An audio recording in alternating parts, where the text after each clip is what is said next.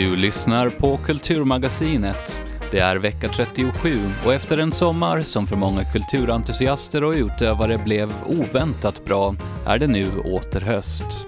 Ändå är det en hel del på gång. Främst denna vecka ska vi prata fulkultur, specifikt vad som är charmen med så kallad dålig film, i ljuset av att Björn Grulle Eklund i november ordnar en minifestival med visningar av tre svenska kulttitlar. Vi ska även ta en titt tillbaka på vår kulturrapportering från den gångna veckan med ett litet extra fokus på miljonnedskärningarna i Finlands kulturbudget. Vi ska även ta en titt framåt. Välkomna!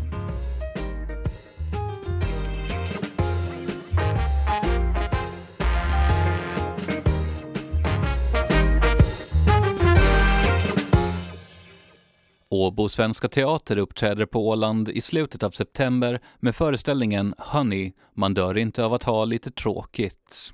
Det är vad som beskrivs som en feelgood-pjäs där karaktären Honey känner sig klämd mellan sin mamma och sin 15-åriga dotter. Pjäsen regisseras av Tove Appelgren och Kajsa Ek, den enda skådespelaren som gestaltar alla karaktärer på scenen, berättar vad det är för sorts pjäs. Honey är en eh, komedi en eh, monolog.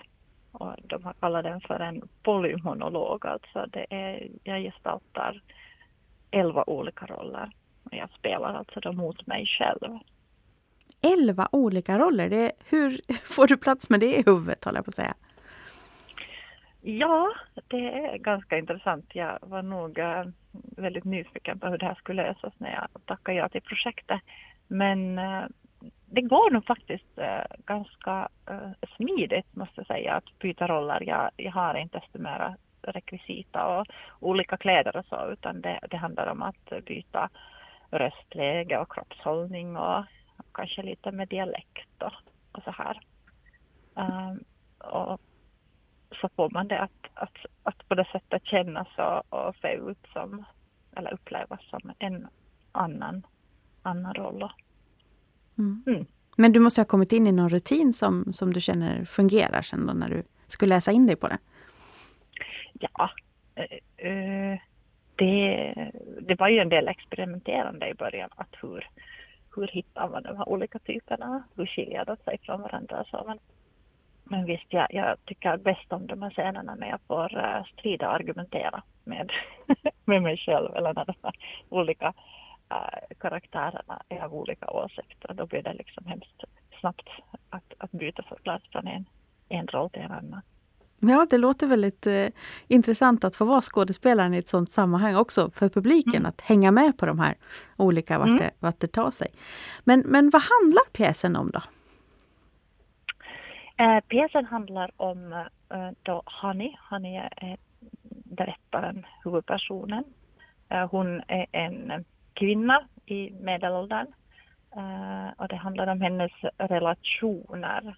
Uh, hennes relation till sin mamma som är ganska komplicerad. Uh, och sen har hon också en dotter och en son som förekommer. Hon har också flera barn men de här två barnen är med också i föreställningen. Och det handlar liksom också om hennes relation till de här barnen och hur, hur den här kommunikationen inte alltid är så enkel och hur, hur man lätt liksom på något vis inte kanske får sagt det man vill och det man känner och hur man kanske lite fastnar i en, en jargong eller den rollen man tänker att man har. Och just i synnerhet till den här mamman så, så är den, de har, det är svårt för dem att kommunicera och den här mamman känner mycket skuldkänsla för att den här, han har ett råddigt liv och, och, och den här äh, han inte känner sig som en otillräcklig dotter och så. Mm. Och, jag, och det är sånt som jag tänker och, och, tror att ganska många kanske kan känna igen sig i, att det inte alltid är så, så enkelt. Det sa skådespelaren Kajsa Ek som uppträder på Åland i slutet av september med föreställningen Honey. Föreställningarna ges på Kökarskola, Vikingalid i Kumlinge, Brändöhallen samt Alandica i Mariehamn och riktar sig till personer från 12 år och uppåt. Reporter var Josefina Jansson. Den andra huden är en utställning med verk av bildkonstnär Barbro Eriksson och med museet Textilier utvalda av textilkonservator Susanne Hannesas. Det är en utställning som handlar om plagg som blivit som en andra hud eftersom de burits så nära kroppen. Utställningen undersöker vilka historier som finns insydda i plaggen och vilka minnen de väcker hos den som ser. Vi hör Barbro Eriksson. Det har ju jag faktiskt lyckan att få ha upplevt som är född 1950. Den här stora skillnaden som har hänt i utvecklingen vad det gäller våra underkläder, det vi har närmast kroppen. Det var en enorm förändring sedan jag var barn. Faktiskt också sedan jag var barn. Jag är född på samma årtionde men alldeles ja. i slutet. Ja. Så att det, det, har hunnit hända en hel del. Men, men just det här som du har tagit fram, det går ju ännu längre tillbaka egentligen också. Du, du har, vad jag förstår, kikat på både mormor och farmors val av underplagg. Jo, jo det, gör, det, det har blivit så att det har samlats hos mig hemma och eh, sen har jag börjat fundera på, på de här. Det har funnits en tid under pandemin som har gjort tid för eftertanke. Och när jag har gått igenom eh, vad jag har i mina lagar och mina samlingar och fundera vad ska jag göra med det här. Så, så då blev det så här att jag började och så började det, blev det som ett, ja vad man kan säga, ett litet mantra. Det, blev, det är inget mantra, men det blev som ett mantra, den andra huden. Och, och, och, och då eh, fick, kom mina tankar till att, att vi föds med en hud. För det första är huden vår ett organ som är två kvadratmeter. Cirka det... två kvadratmeter hud har Jättestort människan. egentligen. Ja, det är ett jättestort, jo, det är vårt största organ. Och det väger fyra kilo cirka. Eh, det skiljer ju naturligtvis från människa till människa. Men, men det, det, här föds vi med och det är det som vi får med våra gener och arvsanlag och vi kan inte göra någonting åt det. Men sen måste vi ända från vi föds klä oss. Eller vi blir klädda ända från spädbarn. För att skyla oss, för att värma oss, för att, eh, beroende på vad vi ska göra. Och det är vår andra hud. Och det är det egentligen som berättar väldigt mycket om oss. Och om den tid vi har levt i. Absolut. Trender och också vad det har funnits för material och vad det har funnits för ekonomi. Och allt med, det, det berättar om vad vi har arbetat med. Eh, jag menar, om vi inte ens har, om vi inte ens har liksom eh, gått med i trenderna så visar vi att vi inte går med i trenderna. Det berättar också någonting om oss. Men ändå det roliga med det här med den andra huden, det som är närmast kroppen, att det ser ju inte riktigt alla människor omkring oss. Nej, det är intima plagg. Det är verkligt intimt och vi, vi, vi, vi det är vår, därför är det vår andra hud. Sen klär vi oss med kläder, som vi säger då. Som är meningen att någon annan ska titta jo, på och gärna jo. lite beundra kanske. Ja, och sen beror det på som sagt vad vi ska göra. Ska vi ut och jobba fysiskt eller ska vi på fest eller ska vi... Jo, Säger alltså bildkonstnären Barbro Eriksson som intervjuades av Ann-Kristin Karlsson. Nyligen presenterade riksregeringen sitt budgetförslag för 2022 och det var inget som fick kulturbranschen att jubla, utan tvärtom. Kulturbudgeten skärs ner med ungefär 18 miljoner euro nästa år och kritiska röster höjs nu från flera håll inom kultursektorn. Någon som instämmer i den kritiken är den åländska sångerskan Therese Karlsson som säger att läget just på Åland ändå kunde vara värre. Spontant efter att alldeles sådär kortfattat ha hunnit ögna igenom lite grann, inte helt insatt i alla siffror och så, men spontant känner jag eh, och instämmer i de här många negativa, liksom bestörta kommentarerna. Att eftersom kulturen ju absolut som bransch, konsten och kulturbranschen har drabbats hårdast och inte fått skälig eh, ersättning så borde det tvärtom ha behövts mer stöd än någonsin till hela konst och kulturbranschen för att den ska hinna repa sig och, och så att, så att, ja, nej, jag tycker det, det, det är skrämmande tycker jag faktiskt. Så säger jag. Kulturbudgeten skärs ner med ungefär 18 miljoner euro nästa år. Det innebär såklart mindre konst och kultur i Finland och alla aktörer kommer att drabbas. Men betydande nedskärningar är att vänta inom exempelvis scenkonst och filmbransch. Men också frilansarna inom den föreställande konsten som inte direkt uppmärksammas i den här budgeten. Hur riskerar då de här nedskärningarna att påverka den redan ansträngda kulturbranschen? Vi hör Therese Karlsson. Ja, hittills så har det ju påverkat och slagit otroligt hårt mot, mot många konstnärer, musiker, artister i vårt land. Eh, många har ju faktiskt tvingats hitta annat att försörja sig på eftersom eh, ja, de skäliga och också, jag menar, är en hel bransch på ålagd näringsförbud så som så många, de alla, jag menar alla har vi drabbats hårt under detta år. Men det har ju alltid kommit skälig kompensation tillbaka.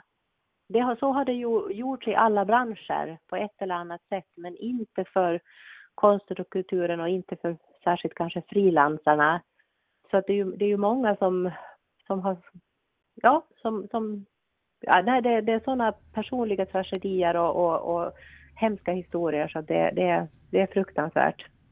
Ska vi finna oss i ett eh, magrare kulturliv här de närmaste åren? Är det, är det liksom det vi får förbereda oss på eller vad, vad, vad tänker du? Ja, jag hoppas ju innerligen inte det och alla, de flesta fonder och, eh, och så har ju gått in och gett och ger en typ av konstgjord andning. Att, att, det, att, att om det också kan fortgå liksom får, vi, får vi hoppas och tacksamt ta emot. Men eh, ja, och, och nya former förstås kommer säkert att födas, nya insikter och tankar men att, men att också som bransch att kunna få vara med ännu mera med en publik med sin publik och, och, och, och människorna i ett land att kommentera och behandla och ta hand om vad det faktiskt de facto är vi har varit med om och går igenom och har gått igenom. Den biten liksom så känns ju också så otroligt viktig att, att, att, att få, få till. Så det, det, nej, vi, vi, vi får inte ge upp, det får vi inte. Och jag hoppas, jag hoppas att, att, att nya lösningar ska hittas. Vi här på Åland, jag känner sån eh, tacksamhet och glädje över tajmingen av det åländska 100-årsjubileet av självstyrelsen. Att vi, vi och vår, vårt kultur och konstutbud detta år kommer ju verkligen eh, passligt. Att det, det, det känns väldigt fint att vi på Åland kan mötas där just nu. Det bidrar till eh, många eh, chanser till kulturliv som annars inte hade uppstått ett vanligt år? Ja, det, det, åtminstone så, så, så, så finns det en, en massa saker och spännande, spännande som ska hända nu. Det, det känns jättebra. Säger alltså Therese Karlsson. Reporter i inslaget var Hans Persson Bru. Och på torsdagens eftermiddag så meddelar undervisnings och kulturministeriet att man hittills har beviljat konst och kulturfestivaler samt sommarteatrar sammanlagt 5 392 000 euro i coronaunderstöd. Syftet med understöden är att hjälpa aktörerna att fortsätta och utveckla sin verksamhet under och efter pandemin samt att upprätthålla sysselsättningen. För konst och kulturfestivalverksamhet beviljades sammanlagt 3 892 000 euro i understöd till 59 olika sökande. För professionell sommarteaterverksamhet beviljades sammanlagt 1 145 000 euro i understöd till 21 sökande och för sommarteaterverksamhet på amatörnivå sammanlagt 355 000 euro till 36 sökande. I pressmeddelandet uttalar sig forsknings och kulturminister Antti Kurvinen och säger att coronakrisen har försvårat verksamheten inom kultursektorn avsevärt och många traditionella evenemang ställdes in eller ordnades med undantagsarrangemang i somras. Utöver restriktionerna har osäkerheten försvårat verksamheten och planeringen av den. Han fortsätter. Understöden är avsedda för utveckling av festival och sommarteaterverksamheten och verksamhetens återhämtning efter pandemin så att människor runt om i Finland åter ska ha möjlighet till kulturupplevelser. Det är viktigt att kulturevenemang och kulturverksamhet bidrar till livskraft och arbetstillfällen i regionerna samt ökar människors välbefinnande också efter krisen, fortsätter Antti Kurvinen. I slutet av oktober är det skivsläpp för Yngve Gustafssons album En vindil från havet med tio nyskrivna åländska visor. Till sin hjälp har han tagit medlemmar ur Visans vänner som framför de tonsatta texterna. Yngve kom till eftermiddagsstudion tillsammans med två av de medverkande musikerna, Bengt Enqvist och Isabelle Bergman, och då lät det så här. Ja, det handlar om visor och eh, det handlar om att jag eh, eh, olika skeden av mitt liv har skrivit lite poesi och lite, lite texter av olika slag. Och eh, det handlar om att de texterna blev samlade till eh, min 70-årsdag för ett antal år sedan, några år sedan. Och eh, gjorde en bok för, utav det till, till min familj och eh, det har sedan utvecklats eh, och blivit eh, också tonsatta, tonsatta texter som jag sedan då så småningom presenterade för Bengt som en gammal eh, vis vän och, och eh, sommar, sommarbekant på Föglö. Och eh, han tittade på de här texterna, en, en del av dem i alla fall, och tyckte att det verkar intressant och, och han började spela på dem. Och, och det ena gav det andra och, och till sist så hade vi, hade vi en underlag för att egentligen göra en, en, en inspelning av det för jag ville dokumentera det och, och, på den vägen är det nu så här långt och det har ena har givit det andra och det har väl nog överstigit eh, målsättningen och förväntningarna många gånger om det här skulle jag säga. Det här projektet för, för mig i varje fall. Mm. Hur, hur länge har du hållit på att skriva? Hur, hur gamla texter är det? Eh, no, de är väl, eh, de flesta är väl, eh, det är väl ingen som är äldre än 20 år men, men eh, de senaste 20 åren har jag, har jag plitat på med det här. Mm. Och hur många, det, det, här är ju ett axplock nu som kommer att komma då på en skiva så småningom vad det lider. Men hur många texter fanns det att välja mellan? Ja, jag, jag tror att jag, den där sammanställningen som jag gjorde då för fem år sedan så där tror jag det var 40, 40-tal 40 texter och det har kommit några till efter det också.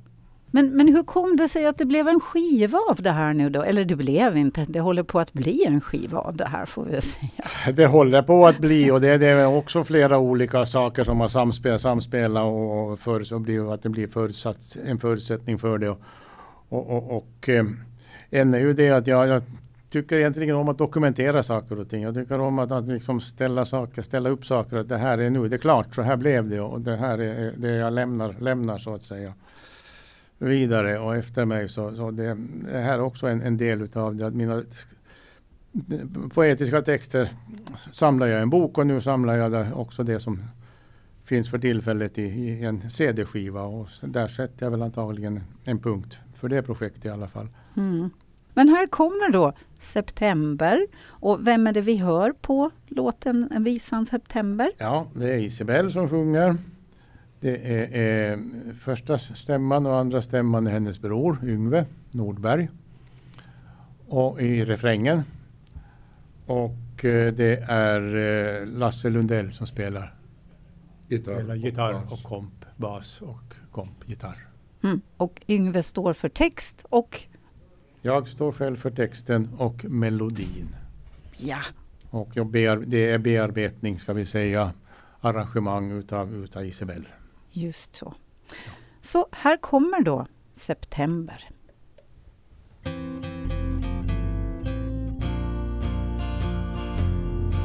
En septembermorgons rena doft möter solens första strålar i en spindels silvernät är fäst vid taggens diamanter.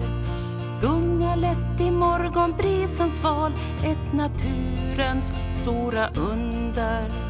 Så som havets vågor jagar fram med livets pärlor på ett band. Böljande och mjuk som dyning Tiden ständigt skiftar öm som blå, ömsom grå Ömsom lätt och krusig Vågen rullar in mot land Skummet yr mot stenig strand Vi hörde Bengt Enqvist och Isabelle Bergman framföra en av Ingvar Gustafssons nyskrivna visor som alltså släpps i slutet av oktober. I november ordnar Björn Grulle Eklund, innehavare av Pubettan, en filmfestival som faller under pubbens paraply. Ettan Filmfestival visar tre svenska kulttitlar från 70 och 80-talet, varav två nyligen restaurerats. Och mottot för filmfestivalen, som även omfattar en frågestund med modellen och skådespelaren Kristina Lindberg, är ganska bra film i bra kvalitet. Att se på dålig film är en subkultur i sig och många är de titlar som genom åren fått en kultstatus för att de är misslyckade på precis rätt sätt. Men vad är det då som skiljer en dålig film från en film som bara är dålig? Vi hör Grulle Eklund berätta om varifrån idén till en filmfestival kommer. Det börjar med att jag satt här, i, eller stod och jobbade i puben och en gammal kamrat till mig kommer in, Kenneth Karlsson. Vi har på 90-talet så bytte vi mycket filmer och, och, och tradade VHS-kopior och sånt. Eh, medan jag har tagit mig bort från det så har väl Kenneth hållit sig kvar ganska länge och har mycket kontakter. Och då kom han hit och, och en Rickard Gramfors hade hört av sig och undrade om han, Kenneth visste någon som var intresserad av möjligtvis lägga en filmfestival med lite udda film. Det var så allting började. Rickard Granfors är, eh, har ju bland annat Njuta Films, Klubb Super 8, han är också regissör, han har gjort, har en fantastisk eh, coffee table book med svenska filmposters från 50 till 80-talet. Så det är han som är liksom min kontakt i Sverige. Eh, och det var så det började. Sen fick jag lite alternativ till filmer eh, och eh, då valde vi då ut tre stycken som vi tyckte passade bra under det här temat lite svensk kult. Och eh, matinén som är först då är Gröna gubbar från Yr från 1986. Huvudfilmen är Thriller, en grym film. Eh, en eh, Rape and Revenge-film från 1973 eh, med Kristina Lindberg och Heinz Hoff i huvudrollerna. Och så avslutar vi med, med lite kultbuskis sexkomedi eller vad man ska kalla det. Jarl Borssén, Cornelis Vreeswijk och Kim Andersson i Kyrkoherden vars VHS-titel då var Den ståndaktige kyrkoherden. Så det är line-upen. Eh, Ett intressant axflock filmer där. Vi kommer tillbaka till det här om en stund. Eh, men det slutar ju inte med att ni visar de här filmerna heller utan eh, det kommer inte vara tvn här på Pubettan som folk samlas runt utan du har hyrt upp Bio Savoy och, och ni har en, en guest of honor till och med. Jag har valt att hyra eh, salong 2 då. Det är den mindre salongen som tar 75 personer. Och just Thriller och Kyrkoherden är ju då alltså restaurerade av Svenska Filminstitutet så det är ju toppkvalitet på dem. Kanske inte på Gröna gubbar från Yr men. Och eh, filmfestivalens gästvånare är då Kristina Lindberg eh, som idag är 70 år. Och när det begav sig så var hon väl en, en av de hetaste utvikningsflickorna i, i Sverige och har då fått en liten ny push i, i livet här efter att Quentin Tarantino konstaterade att eh, mycket av Thriller och hennes karaktär i den har inspirerat till Kill Bill-filmerna. Där ju då eller Driver med eh, piratlapp eh, är ganska direkt tagen, looken i alla fall, från Kristina Lindberg. Mm. Ja, den som har uh, sett båda filmer så kan jag inte förneka att den här likheten finns där. Men, men Tarantino och hans, vad ska man säga, hans erkännande av den här filmen så gav den verkligen en nytt sorts liv. Um, Thriller var väl i princip förbjuden att visas på vissa ställen i Sverige också. Den var totalförbjuden. De sa väl att det var den första totalförbjudna filmen i Sverige men det finns tydligen någon om det var 20-30-tal eller något sånt som är totalförbjuden. Uh, och jo, den sågades ju och, och, och, och, så vid premiären. Sen hade den ju full, funnits liksom i periferin någonstans innan Synapse, ett amerikanskt bolag, eh, släppte den på DVD. Varav eh, då regissören försökte stämma dem att de inte hade rättigheterna och det blev rättegång och grejer men de hade rätt att, att, att släppa den då. Eh, så den har ju funnits för just eh, genreintresserade. Men efter att eh, Tarantino då tog fram den inför Kill Bill-premiärerna så, alltså, så har den ju absolut fått ett nytt liv. Och Kristina har ju fått en push och varit på jättemycket filmfestivaler världen över. Hon har fått filmpriser i Argentina, Polen. Hon har blivit överflugen till LA, eh, delfinansierat av Tarantino för att vara med på, på galor och sånt. Så jo, hon har fått en, en, en ny, ny push. Mm. Ditt ledord för den här festivalen har varit ganska bra film i bra kvalitet. Uh, vad kännetecknar en ganska bra film? Man ska väl säga så här att thriller uh, är ju också, hur ska man säga, den är ganska bra. Jag tycker den är en bra film. Men det finns ju fortfarande grejer i den. Heinz Hoff, en fantastisk skådespelare, har ju även jobbat med Bergman på Dramaten. Eh, sen hade han en enorm scenskräck och det blev väl inte så mycket. För de som såg på varuhuset så spelade han Erik Eriksson, en ond korrumperad eh, varuhusdirektör. Och han har även dykt upp i eh, Rederiet som någon Stasi-snubbe. Annars eh, har han inte gjort så mycket. Men han är fantastiskt bra i rollen och han och Kristina. Sen resterande rollprestationer går väl absolut under monikern ganska bra.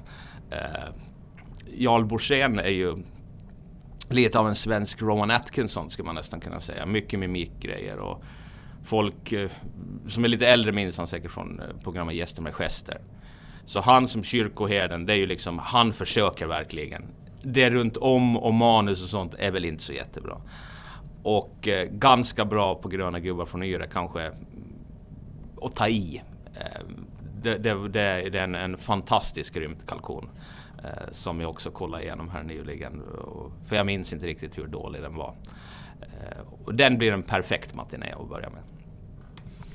Ja, jag tänkte säga det där att på samma sätt som, som Thriller kanske fick ett nytt liv i och med att Tarantino såg den så fick Gröna gubbar förnyar lite nytt liv här under förra året för en, en känd svensk YouTube-personlighet som går igenom sig just gamla filmer så valde att lyfta upp den och jag tror att jag hörde talas om den där för första gången. Många hörde säkert talas om den där för första gången. Eh, det här med dålig film är ju liksom en subkultur i sig själv. Vad är grejen med att se på dålig film? Varför är det charmigt? Varför är det någonting vi gör? Alltså det är skillnad på dålig film och dålig film jag har ju extremt svårt för de här uh, Sharknado och sånt som har kommit. Där det är liksom, det är meningen att det ska vara dåligt. Då tycker jag inte, det ska ju vara genuina filmer som man har försökt göra något bra men resultatet har blivit dåligt. Det är ju då det blir som bäst. Eh, sen finns det ju bara dåliga filmer. Och det, det, är ju ingenting man vill sitta och titta på. Eh, Gröna gubbar från Yr är ju ett ganska bra exempel. Man försökte ju verkligen haka på eh, tåget då med, med, med, science fiction grejer och lite E.T., lite Ghostbusters. Sen var V den största tv-serien liksom som alla såg på. Eh, och Gröna gubbar från Yr fick ju då enorm publicitet i tidningen Okej. Okay. Eh, där jag och sådana i min ålder alla såg de här tre gröna eh, figurerna i, i silverkostymer och, och tänkte shit, det här måste ju vara något stort liksom. Eh, men då visade det sig att Hans Hattvik som var grundare och chefredaktör på, på tidningen Okej är ju också regissör till eh, Gröna gubbar från Yr. Eh, så det, det, det, var ju därför den fick så mycket publicitet. Plus att då grejen är att ett flygande tefat kraschar nära Skara Sommarland. Det här är ju nästan en reklamfilm för Skara Sommarland. Och Bert Karlsson figurerar ju också i en inte så viktig biroll men ja de, man försökte verkligen sälja in det här som att det här är den nya grejen, det här måste du se.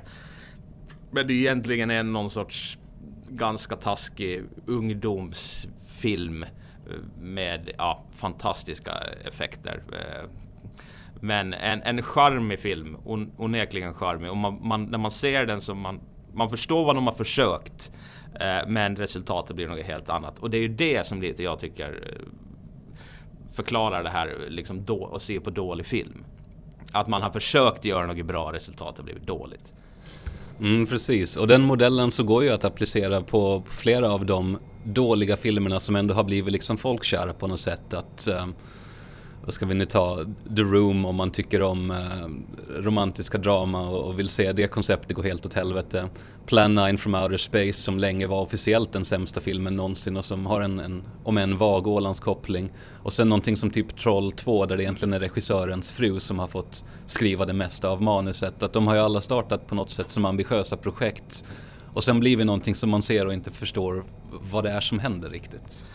Nej, jag vet ju att som gammal skräckfilmsfantast så såg jag ju Troll 2 då. Och då tyckte jag ju bara, ja, den var ju inte speciellt bra. Eh, men då har, just i skräckgenren fanns det väldigt mycket väldigt dåligt.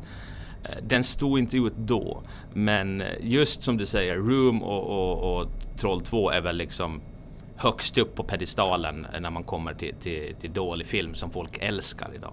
Man hör ju direkt att här finns uh egentligen ett oändligt träsk att börja ösa ur om man, eh, om man nu liksom fastnar för det här konceptet med dåliga filmer. Uh, ettan har ju haft som sin slogan ganska länge att Aika Hyve, det är ganska bra, det är fulkultur som gäller och den här ettan filmfestival känns som att det ligger helt rätt i linje med det att ni utökar lite på konceptet som redan finns där. Kan det bli en återkommande grej tror du? Det är inte omöjligt, vi får väl se. Som sagt, det här är extremt smalt. Uh, hur mycket folk det kommer. kommer det lika mycket som på en spelning på ettan så är jag väl nästan nöjd. Eh, men samtidigt lite kul, eh, kul koncept. De här filmerna, sen handlar det också om att vad finns tillgängligt? Eh, och det här är ju också, Rickard Granfors har hjälpt till jättemycket med det här. Och han har ju också visningar. Han visar precis just nu Anita, en tonårsflickas dagbok med Kristina Lindberg och Stellan Skarsgård. Eh, som har restaurerats. Och de är ju gjorda liksom nu för att kunna visas på biografer. Så det är också lite beroende på vad, vad finns möjligt, och vad finns tillgängligt. Det är ju inte bara liksom att hej nu visar vi en film. Det är lite mer än så. Eh, så vi får se. Det här konceptet tycker jag är kul. Om det finns något intresse, det återstår att se. Men därför har jag i alla fall byggt festivalen på det sättet att, att man ska kunna gå på en matiné. Vill man inte se den så kan man komma senare eh, och sen en paneldiskussion på Indigo då med Kristina Lindberg och Rickard Granfors så att man får lite info om den här filmen innan man ser den. Eh, för förstås, det här är en film som vi inom genren vet vad är, men det är ju kanske inte gemene man har en blek aning om vad det är. Då är det i alla fall kul att få lite input innan man ser den. Så det tycker jag är, ganska bra. Och sen blir det då signering och meet and greet med Kristina efter filmen och sen avslutar man med med kyrkoherden då när man eh, så avslutar man på ett lite glatt humör. Men som sagt om det blir någon fortsättning. Det har ju förstås att göra med om det finns ett intresse och vad som eh, finns tillgängligt helt enkelt. Säger Björn Grulle Eklund.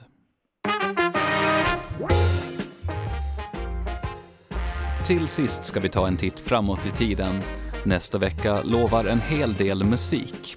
Först på måndagen ger den isländska basisten och kompositören Ingibjörg Turci, en av Islands mest älskade artister det senaste decenniet, en gratis konsert på Alandica klockan 20 i Nordiska institutets regi. Dagen därefter uppmärksammar pianisten Vladimir Shafranov att jazzen som genre, likt Åland, firar 100 fyllda år. Detta sker på en konsert i Mariehamnsmuseet där Shafranov spelar såväl tidig jazz som populärmusik från 20-talet och introducerar de olika stilarterna och dess ursprung. Detta med start klockan 19.